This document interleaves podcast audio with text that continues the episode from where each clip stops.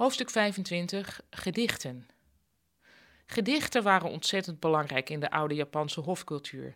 Geliefden correspondeerden door middel van gedichten en er werden regelmatig dichtwedstrijden georganiseerd.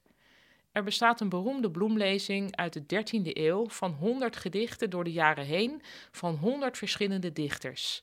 De oudste gedichten in die bundel komen uit de 7e eeuw. Deze bundel heet Ogura Hyakunin Issue was zo belangrijk dat Japanse kunstenaars zich er eeuwenlang door lieten inspireren. En nog steeds zijn er gedichten uit deze bloemlezing die veel Japanners uit het hoofd leren. De samensteller van de bundel was Fujiwara no Teika, een adellijke dichter. Hij was hoofd van het keizerlijk bureau voor poëzie. En laat dit even op je inwerken: het keizerlijk bureau voor poëzie.